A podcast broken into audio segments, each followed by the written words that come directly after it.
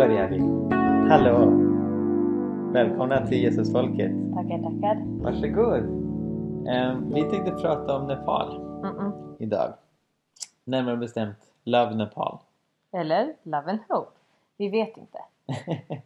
ja, eh, några av er som lyssnar, eh, om inte de flesta av er, har säkert sett nyheter om den här organisationen. Mm.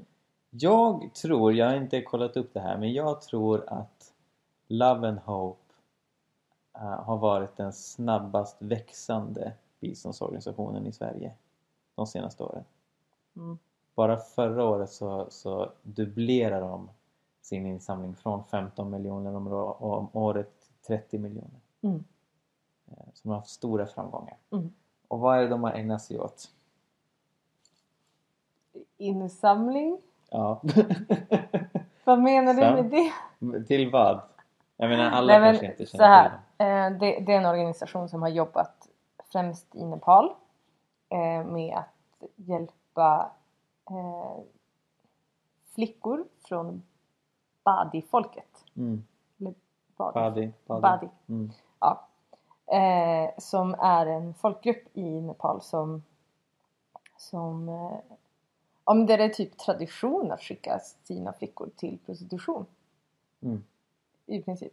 Mm. Eh, och man har jobbat förebyggande med den här folkgruppen eh, och tagit hand om utsatta Mm. flickor därifrån. Mm. Eh, och där har man jobbat främst med att eh,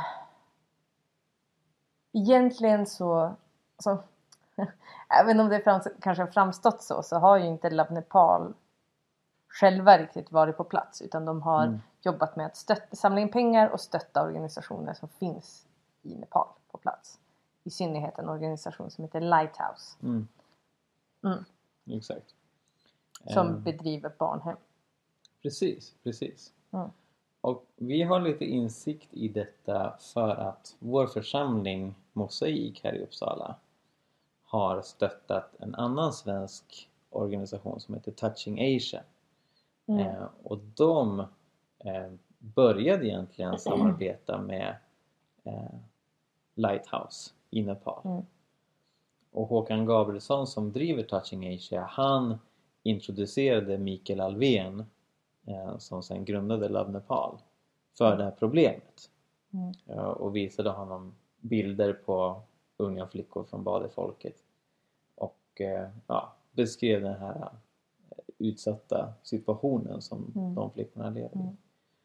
Och det verkligen berörde Mikael Alvén och då startade han Love Nepal som sen då kom att växa Mm. sig mycket större. Precis. Och sen det här hände så liksom Mm, Ja. Får jag bara förty- förtydliga en sak? Att Touching Asia har en underorganisation som heter Out of Ashes. mm, Och det är den som, alltså, liksom, det står om i tidningarna. Precis, precis. Touching Asia är, är bredare än att jobba mot eh, prostitution och trafficking. Mm. Men den gren av den organisationen som gör det heter Out of Ashes. Mm. Så det, det var ett bra förtydligande. Tack. Men så på grund av detta så, i synnerhet jag som varit med i Mosaik längre än du, Mm. har liksom följt det här under åren. Jag har Mm. Träffat Håkan minst en gång per år på olika träffar som Mm. församlingen anordnar och sådär. Mm. Och då har vi pratat om arbetet där och eh, vi har också pratat om, om eh, Love Nepal och liksom deras förhållande som alltid har varit lite ansträngt. Hå- Mm. Håkan uttryckte även för flera år sedan att, att han tyckte det var lite svårt med, med kommunikationen Mm. dem emellan. Mm. Och, att de hade olika prioriteringar när det gäller just ins- insamlingssätt. Och det har ju nu eskalerat. Mm. För som jag tror att flera av våra lyssnare känner till så har det skrivits väldigt mycket om Love and Hope Mm. i Expressen och Aftonbladet den Mm. senaste tiden. Och det som liksom var, ska man säga? Alltså det har ju varit ansträngt i flera år, Mm. relationen mellan dem. Eh, men också vi, vi firade nyår tillsammans med Mm. familjen Gabrielsson. Mm. Eh, och då hade det, alltså vad var det, bara några veckor innan eller så hade Love Nepal eh, avbrutit sitt samarbete med Lighthouse Mm. Eh, som är den här organisationen som de samarbetar med i Nepal. Mm. Vilket gör att de inte har, alltså att de hade helt avbrutit allt sitt arbete i Nepal. Mm. Eh, som ledde till att de till exempel bytte namn till Love and Hope. För att Love Nepal blir konstigt när man bara jobbar i Indien. Ehm, och så, ja.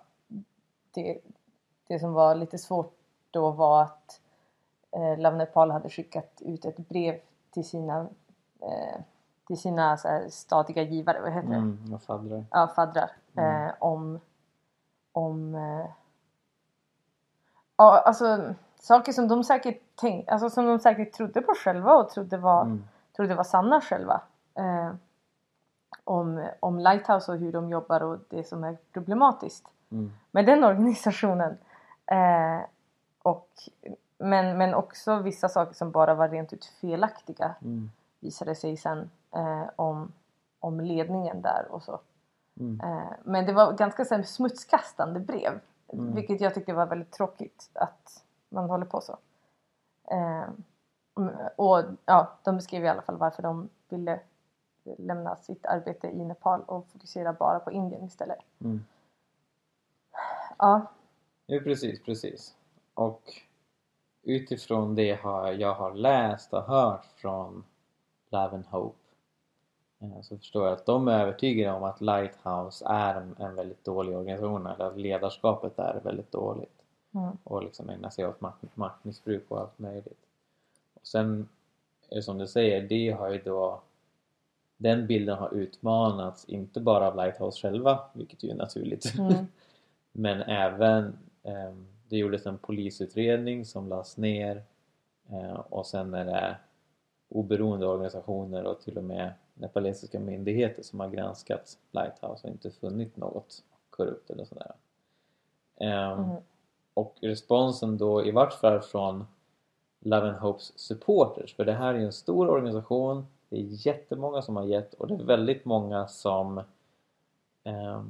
ja, har, har liksom ett stort hjärta för Love and Hope och blir väldigt ledsna och upprörda när Love and Hope kritiseras. mm, Många av dem säger ja men hela Nepal är ju korrupt. mm, Så att liksom nepalesiska myndigheter godkänner Lighthouse säger inte så mycket. Och det, det är en ganska problematisk bild av omvärlden. mm, jag tänker vi kan komma tillbaka till det senare. mm. Ehm, jag, jag ser inte det här poddavsnittet som liksom så här äh, ett tillfälle när vi ska gå in i, i massa detaljer och diskutera siffror och rapporter och sånt där. Mm. Jag vill främst att, att folk ska förstå varandra. Mm. Och det är rätt allergisk emot det är eh, en, en form av biståndsgivande och en form av omvärldsaktivism som betraktar människor utanför Europas gränser som radikalt annorlunda. Mm. Och det, det tycker jag har präglat en hel del av, av de här diskussionerna. Mm. Absolut. Ja. Men hur som helst så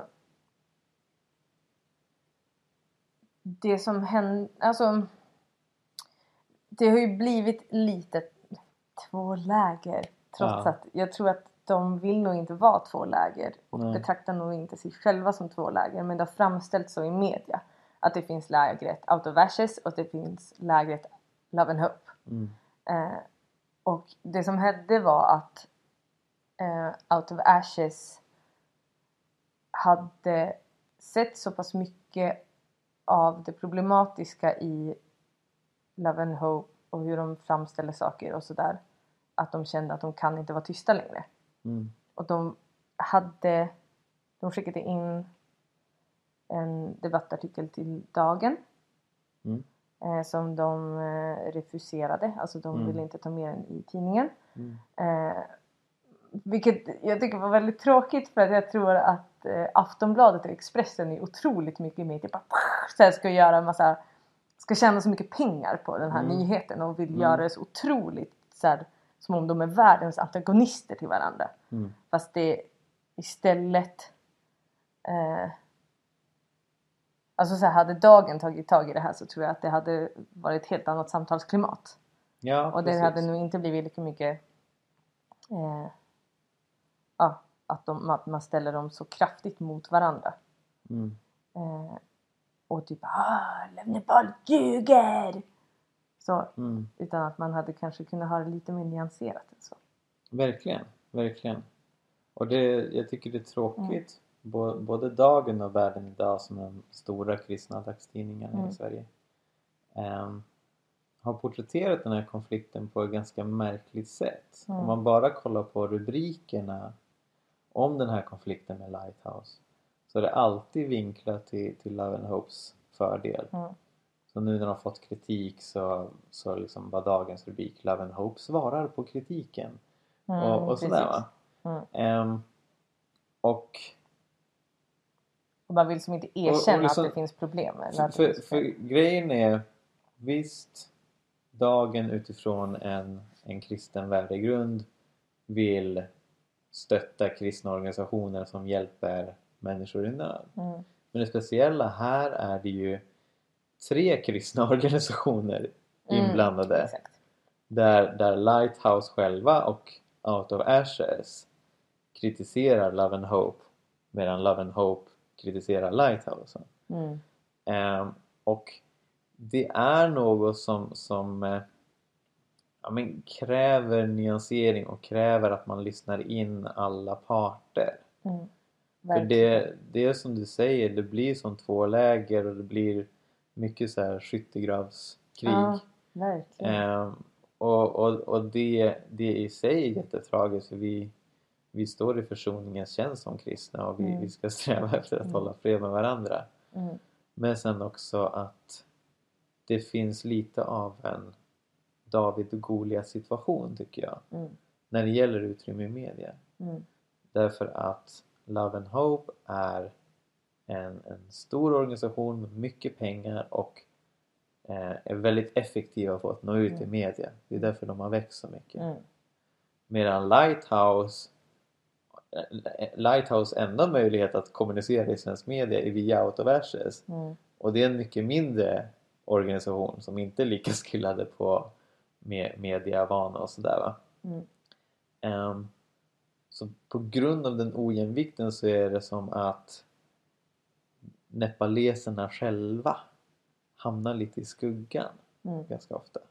Precis. Och, och det tycker jag är väldigt tragiskt att se och det, det Expressen och Aftonbladet har gjort det är ju att de liksom de tar Lighthouse berättelse och liksom smäller upp den och så, så här är varför Love and Hope är, är liksom felaktiga.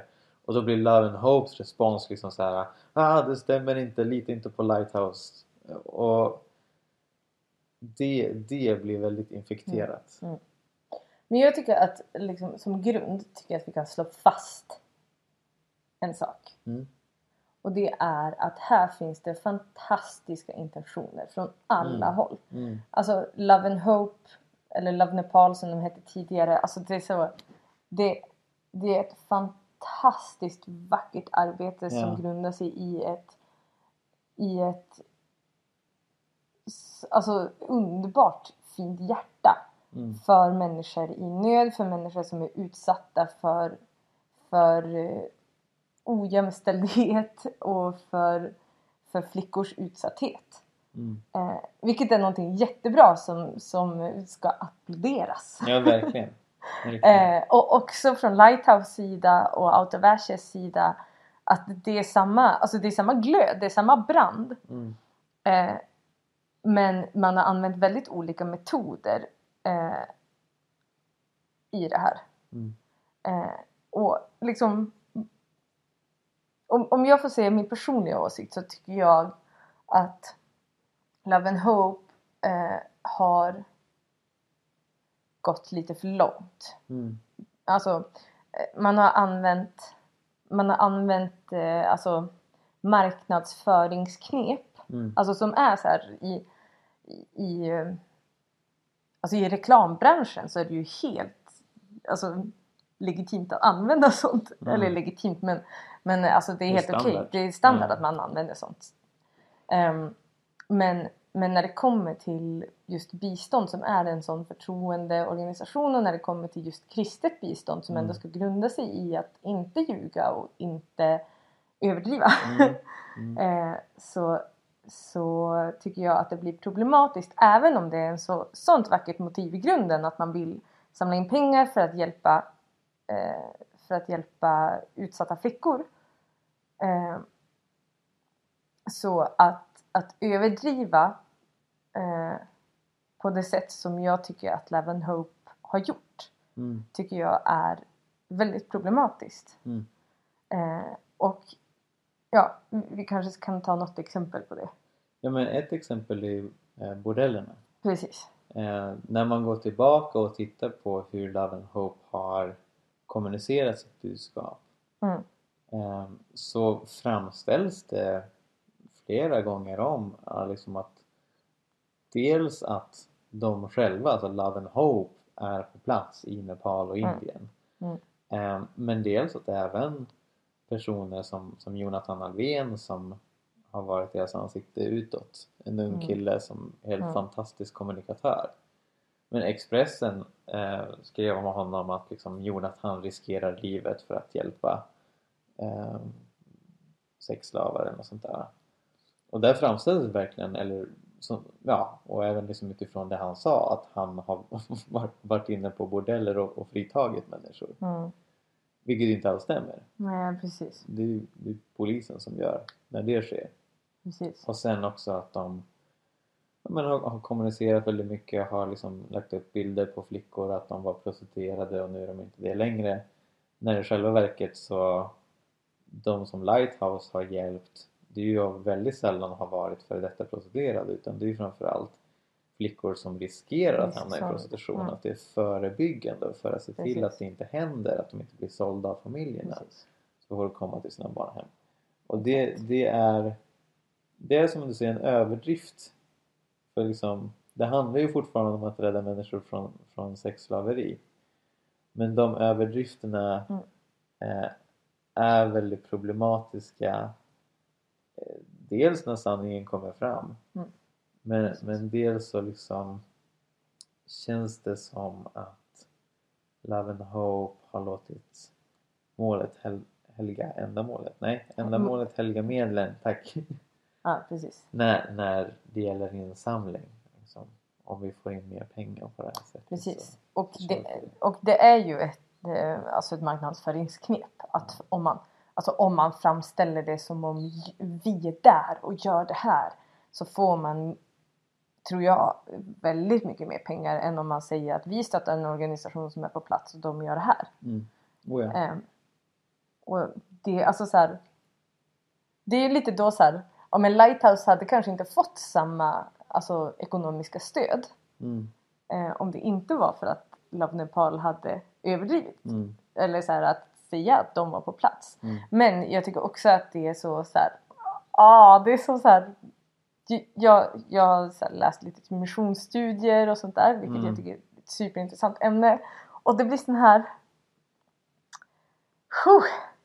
Det, här det här är så så här.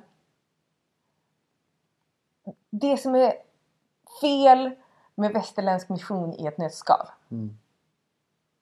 Alltså förlåt men just i det Just i det samman, alltså just i det här så tycker jag faktiskt verkligen det. Mm. Eh, för västerländsk mission är typ bara mm, Vi västerlänningar är då där och hjälper de stackars stackars människorna i andra delar av världen Mm. som kan, inte kan hjälpa sig själva. Mm. Eh, och det tycker jag, alltså åh, det gör så ont i mig och jag skäms. Mm. Jag skäms verkligen. Mm. eh, istället för att alltså, faktiskt lyfta fram Lighthouse som är en jättebra organisation driven av nepaleser Mm. eh, och där nepaleser är de som jobbar. Mm. Eh, alltså det finns ju, Nepal har ju inte en massa volontärer som är där, en massa västerlänningar som kommer dit och, och eh, drar det tunga lastet, Mm. lasset utan det är ju nepaleser som gör det. Mm. Och där, alltså att då inte lyfta fram dem från andra folk som faktiskt, som faktiskt gör, som faktiskt gör det hela möjligt. Mm. Eh, det tycker jag är otroligt problematiskt och att då istället framhäva sig själva som så här, hjältarna som kommer dit och hjälper de stackars människorna Mm. tycker jag är nej, nej, det gör ont i mig.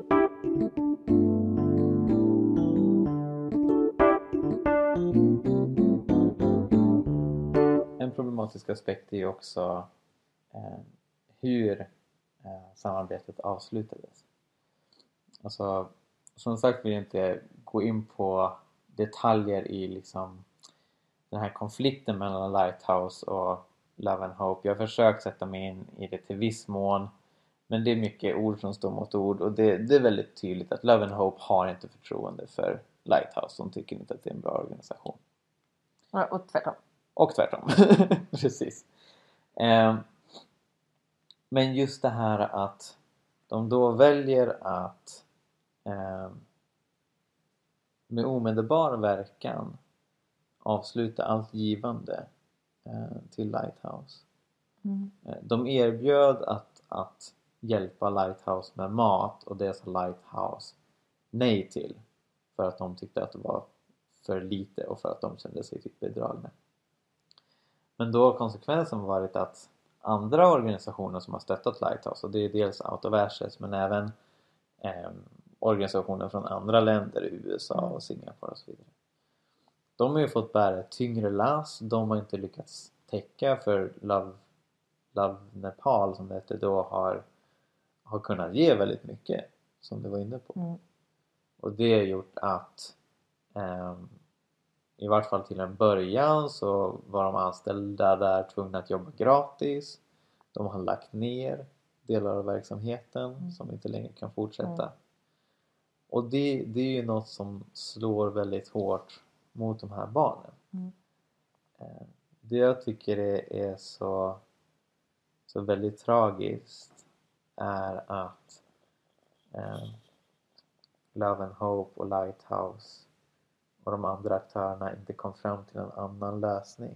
Precis, Att man hade, inte fasade ut hjälpen istället Precis. för att strypa den direkt. mm, det hade verkligen kunnat skötas på ett så mycket snyggare sätt. Ja. Men så får man ju också tänka på att eh, Love Nepal, eh, ja, som de hette då, Mm. de ansåg sig ju ha så pass tunga skäl att avbryta samarbetet med Lighthouse och kände säkert att vi kan inte hålla på med det här en dag till. Mm. Eh, så det fanns ju säkert, alltså så här, jag vet inte exakt vad de såg där och Mm. jag har inte inblick i konflikten men de Mm. tänkte ju säkert att vi ser ingen annan utväg. Mm. Eh, och att fasa ut det kanske inte, alltså inte kändes rätt för dem Nej. överhuvudtaget. Nej. Eh, så ja, och jag vet inte, de kanske ville göra någon slags markering mot att det här var fel, det de såg. Eh, på samma sätt som Out of Ashes nu vill göra en markering mot Love Nepal, att deras, eller Love and Hope, att här, deras insamlingsmetoder är jätteproblematiska. Ja.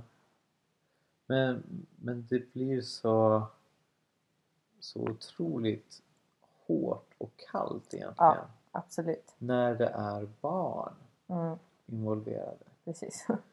Alltså det, det är inte som att lägga ner en, en studiecirkel för kvinnor som vill lära sig virka. För även om det också vore tråkigt så liksom okej, då får de väl ägna sig åt något annat.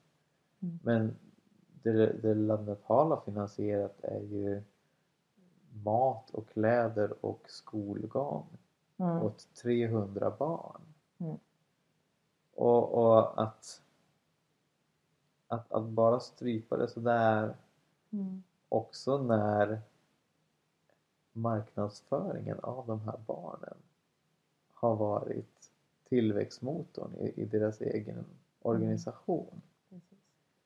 Det, det vittnar om, tycker jag, en inte tillräckligt stor omsorg Nej, om de här verkligen, barnen. verkligen.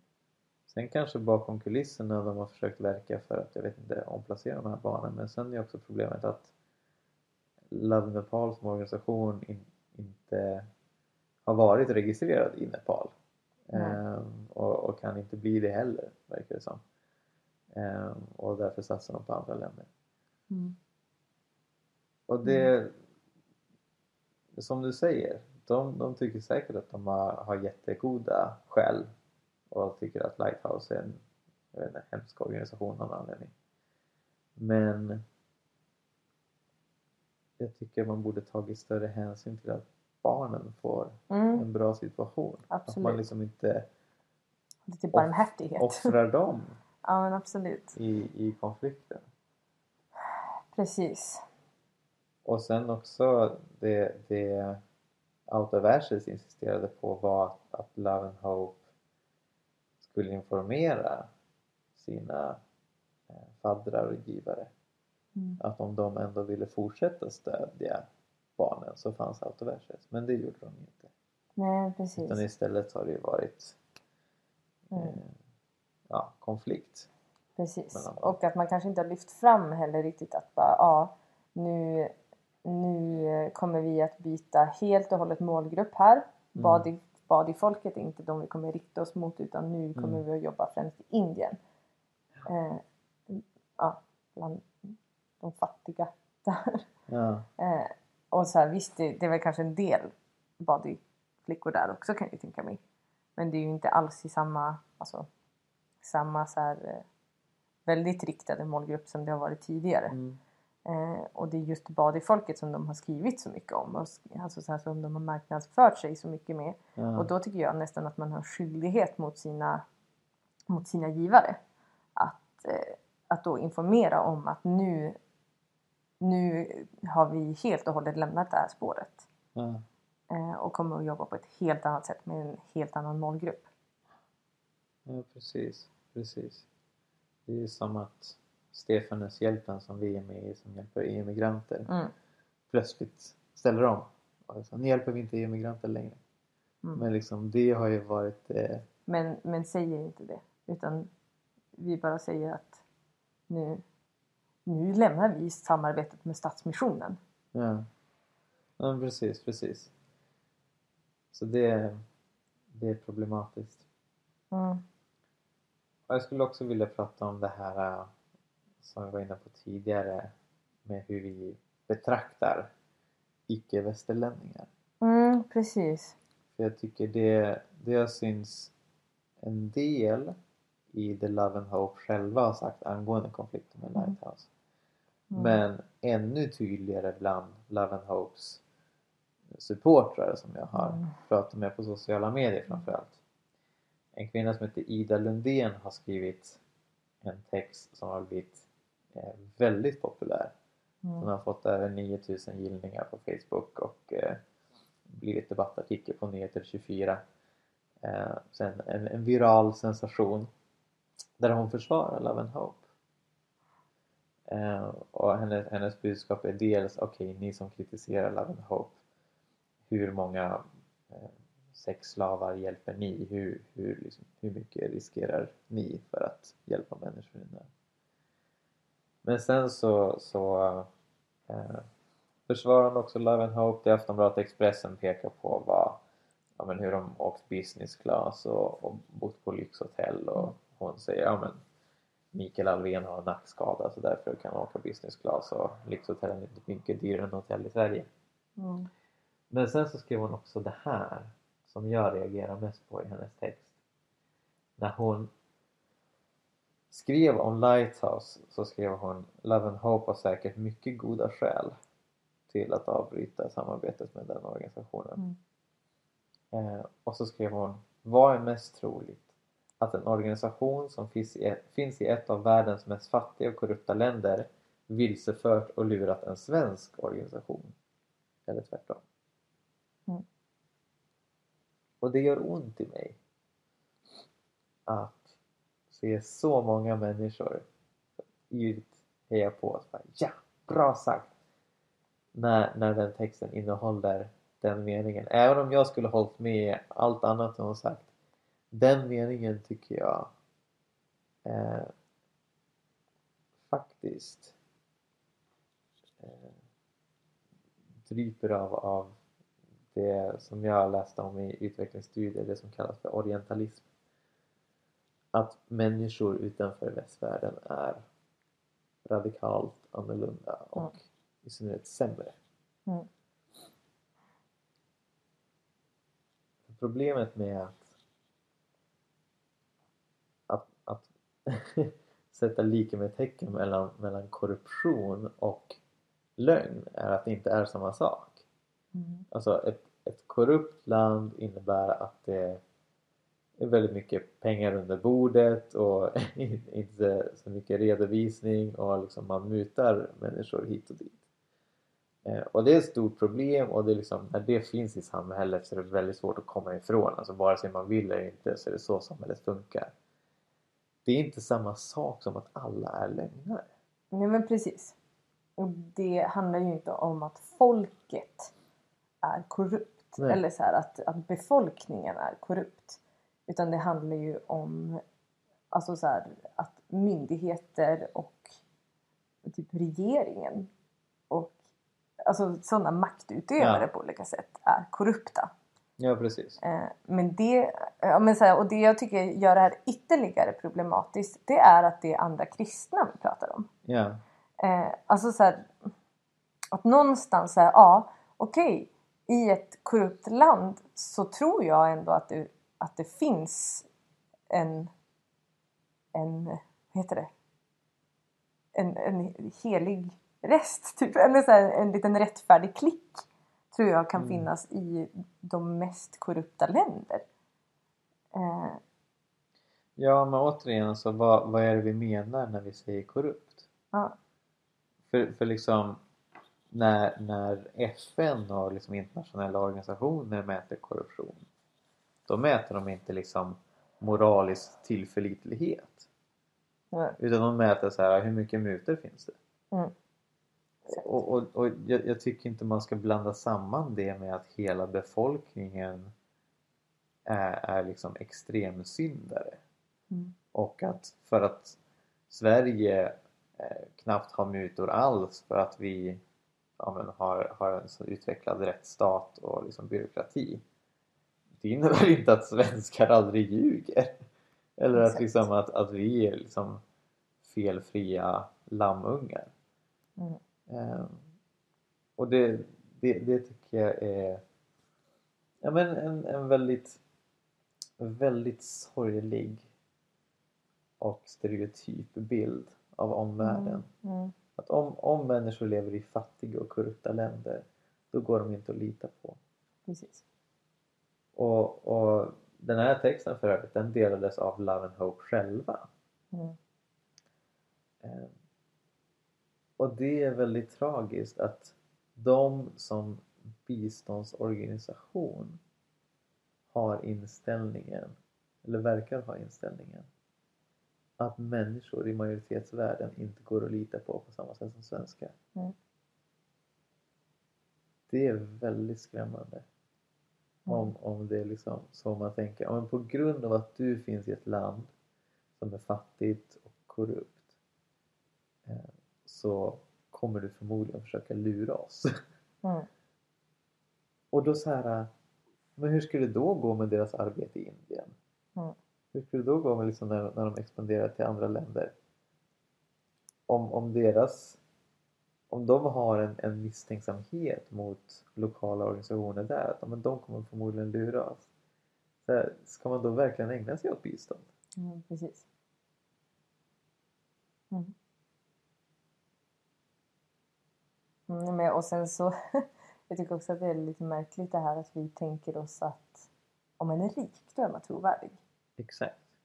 Exakt. Medan jag blir ju snarare lite så här bara, hmm, Ja. snarare lite åt andra hållet, vilket, kanske inte heller är bra. Men, men... ehm, ja, alltså...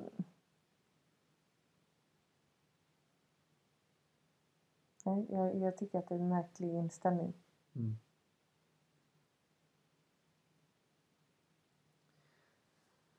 Nu har ju hela den här historien fått stor uppmärksamhet i media och det skapas flera svallvågor.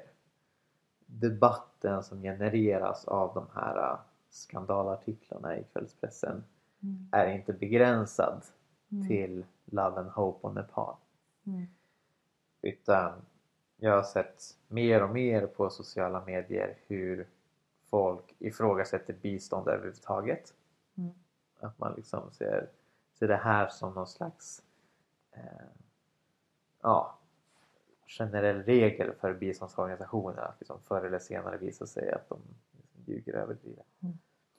Men sen också en, en hel del eh, eh, ett hel del raljerande kring kristna organisationer just.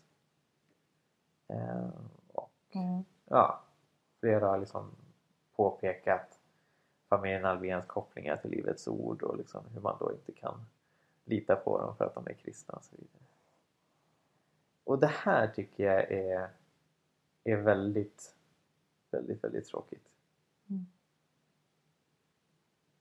Absolut.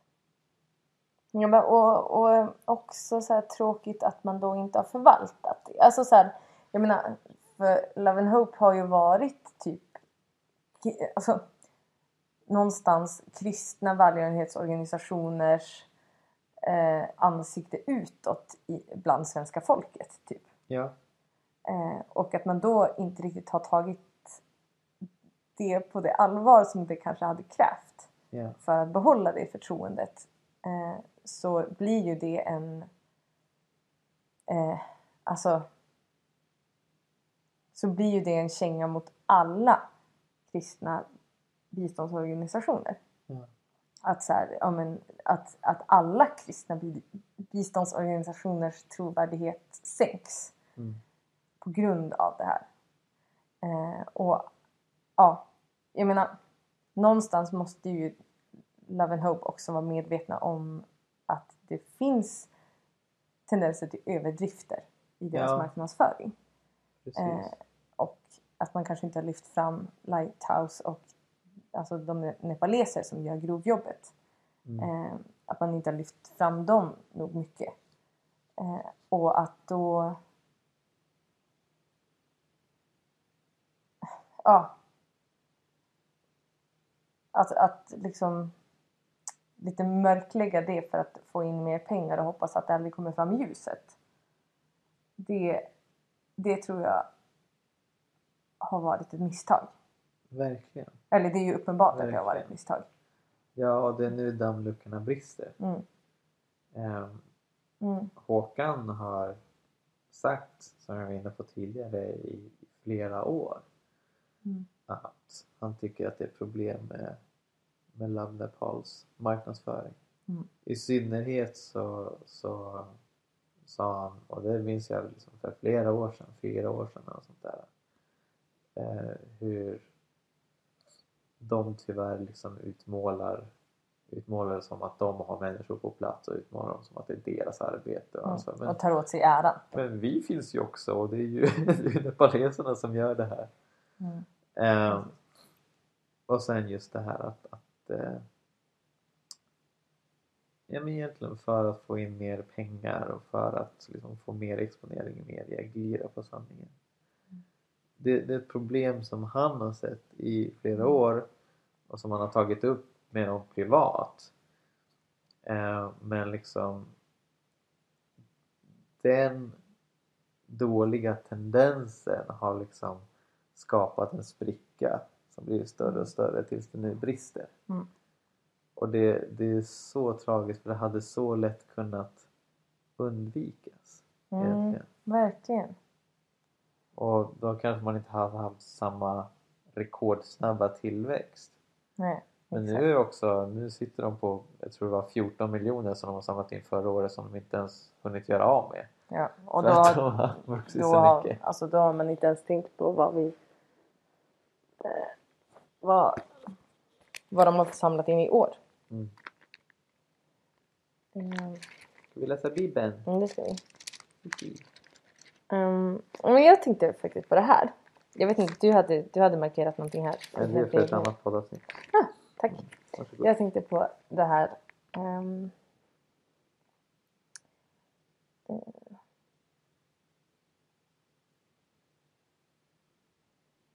så här, detta är det budskap, eh, förlåt, första Johannesbrev 1 och 5 och framåt. Detta är det budskap som vi har hört från honom som vi förkunnar för er, att Gud är ljus och att inget mörker finns i honom. Om vi säger att vi har gemenskap med honom och vandrar i mörkret så, så ljuger vi och handlar inte efter sanningen.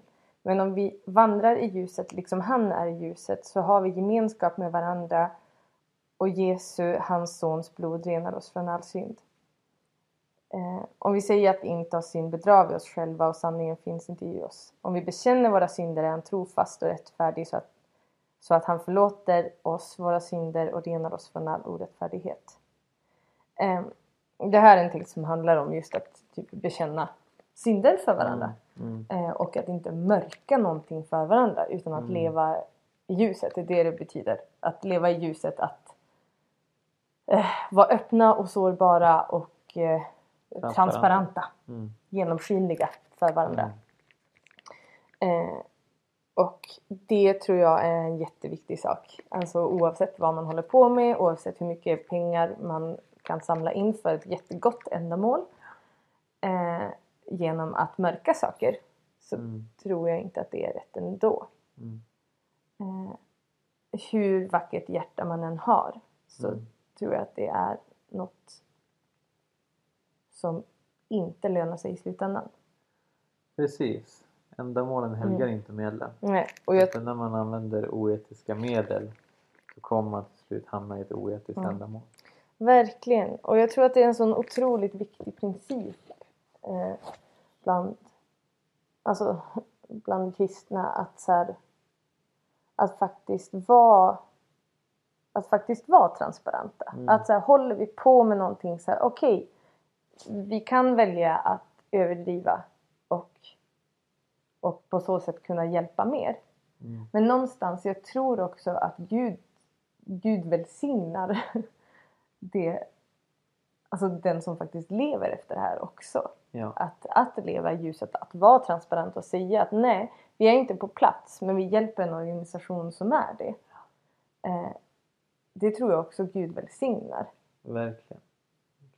Eh, och jag tror att det är en otroligt viktig princip just för att behålla förtroende. Att inte mörka. Mm. För att även om...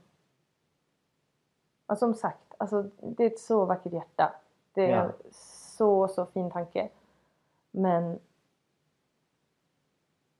det är... Jag jag tror inte att man ska hymla om att det faktiskt är problematiska metoder som Ja. har använts.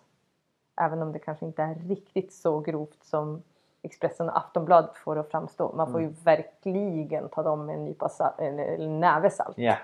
En Snarare. hel traktor full med salt ska man ta dem med. Precis. Men ja. Ja. ja precis. Eh, en vän till oss föreslog att man skulle skicka pengar till Love and Hope som plåster på såren för att de har lidit så mycket i media. Mm. Men jag tror inte det är nödvändigt för de sitter som sagt på 14 miljoner kronor. Nej, även, även om de skulle förlora, förlora alla sina givare så liksom de, de har sitt på det torra. Men vi skulle verkligen vilja uppmana er som lyssnar om ni känner liksom vi att men de stora offren i den här konflikten är barnen. Eh, om ni vill hjälpa barnen som tillhör Mm. Badi-folket eh, så att de kan få en trygg uppväxt utan risk att hamna i, i sexslaveri så kan vi verkligen rekommendera Out of Ashes som är hemsidan outofashes.org och där kan man ge en gåva som då går Mm. eh, till Lighthouses arbete där. Och det är en svensk organisation som, som stöttar Lighthouse Mm. arbete eh, Precis, precis. för badflickorna. Och det, det är vänner till oss som driver dem och vi har stort förtroende för dem. Och värd att poängtera är att de verkligen har förtroende för Lighthouse. Oh ja, oh ja, Eh, men verkligen. trots, eller trots flera år av samarbete. Trots flera år sedan. Nej men alltså jag menar de Ja. har ju ändå samarbetat med dem lika länge som Love Nepal eller ännu längre, längre. än Love Nepal Ja. och har inte alls sett den bilden som Love Nepal har. Nej. Mm. Eller Love and Hope. Så, så många olika namn. och alla är på engelska. Sheffield Trash. Ja, Ja, och eh, be gärna för, för Nepal. Eh, Mm. Nyligen så, så kom det en undersökning som sa att Nepal har den snabbast växande kyrkan i världen. De, de har den snabb, största, snabbast växande väckelsen där. Mhm. Det är jättemånga som kommer till tro eh, och de behöver undervisning och de behöver ledning. Så be, be för Nepal och be för hela eh, Sydasien. Det är en fantastisk plats där Gud gör väldigt mycket. Amen brother. Amen sista. Så, eh, vi hörs eh, nästa vecka kära Jesusfolkare. Gud välsigne er. sluta, vi kan inte kalla det för Varför Jesus inte? Nej men det är för att det är så typ bara lyssnar ni bara så är ni våra anhängare och fans. Ni behöver Det är de ju. Nej men ni behöver verkligen inte vara våra fans. Vi är bara, Jo, det är jo. jättekul om ni var, lyssnar. var våra fans. Nej men Snälla. sluta. Jag behöver fans. Jag vill inte ha fans. Okej, var mina fans. Nej men jag, jag nej. Okej. Var mina jämlikar. Ni har också bra saker att säga. Starta gärna en egen podd. Ja, Tack och hej! hej då.